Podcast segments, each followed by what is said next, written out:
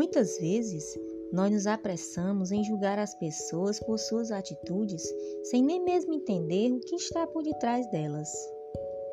E isso é um hábito que nos afasta da empatia, que é uma qualidade essencial para a construção de vidas e relacionamentos saudáveis. Quando tomamos atitudes precipitadas baseadas só na nossa opinião, nós podemos nos surpreender com a realidade. E isso pode nos levar a sentir culpa e até arrependimento. O conto de hoje vai nos ensinar que julgar sem saber o que está por trás é uma atitude precipitada.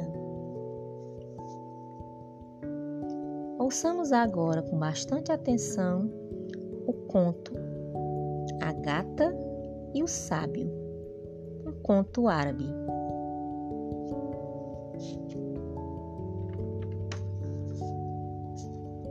Era uma vez um sábio muito rico que morava em uma aldeia. Ele dedicava o melhor do seu tempo aos estudos e a tratar os doentes que o procuravam.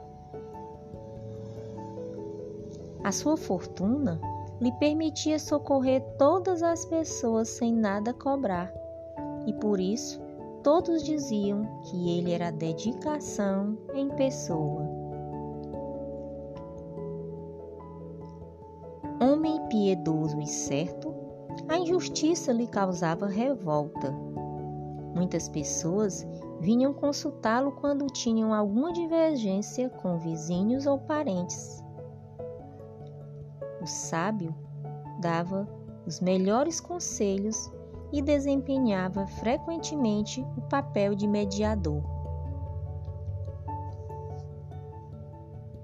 Ora, o sábio tinha uma gata, a quem se dedicava particularmente.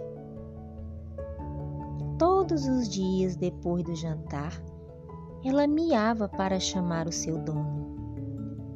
O sábio então a acariciava e levava para o jardim, onde ambos passeavam bastante. Ela era a sua única confidente, diziam os criados.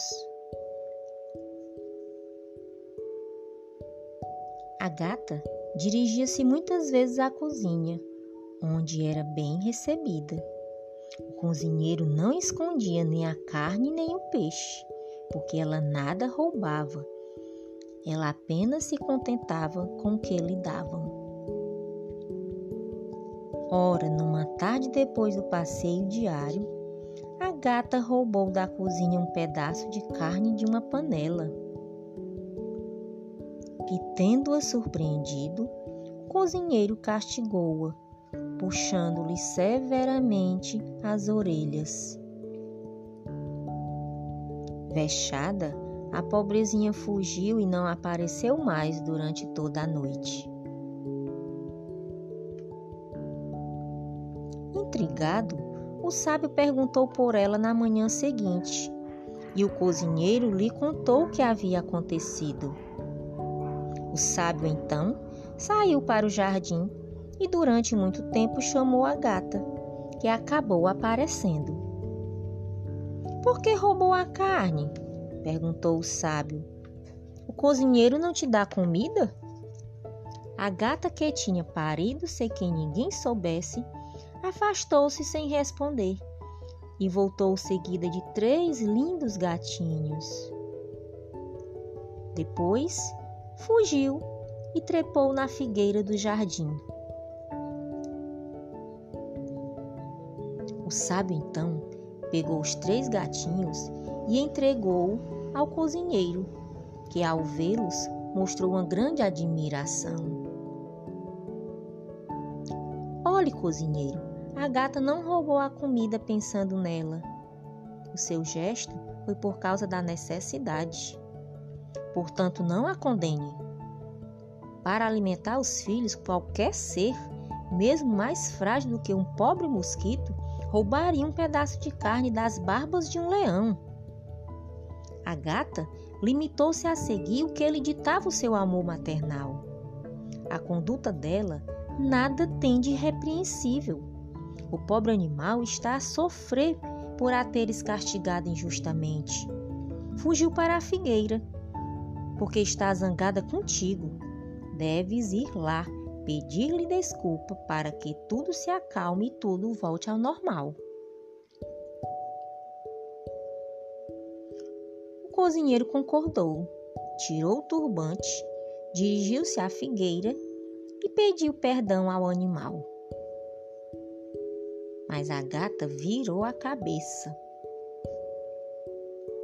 O sábio teve então de intervir. Conversou longamente com ela e conseguiu convencê-la a descer da árvore. Ela desceu lentamente da figueira veio a miar, roçasse nas pernas do sábio e foi para junto então de seus três filhotes.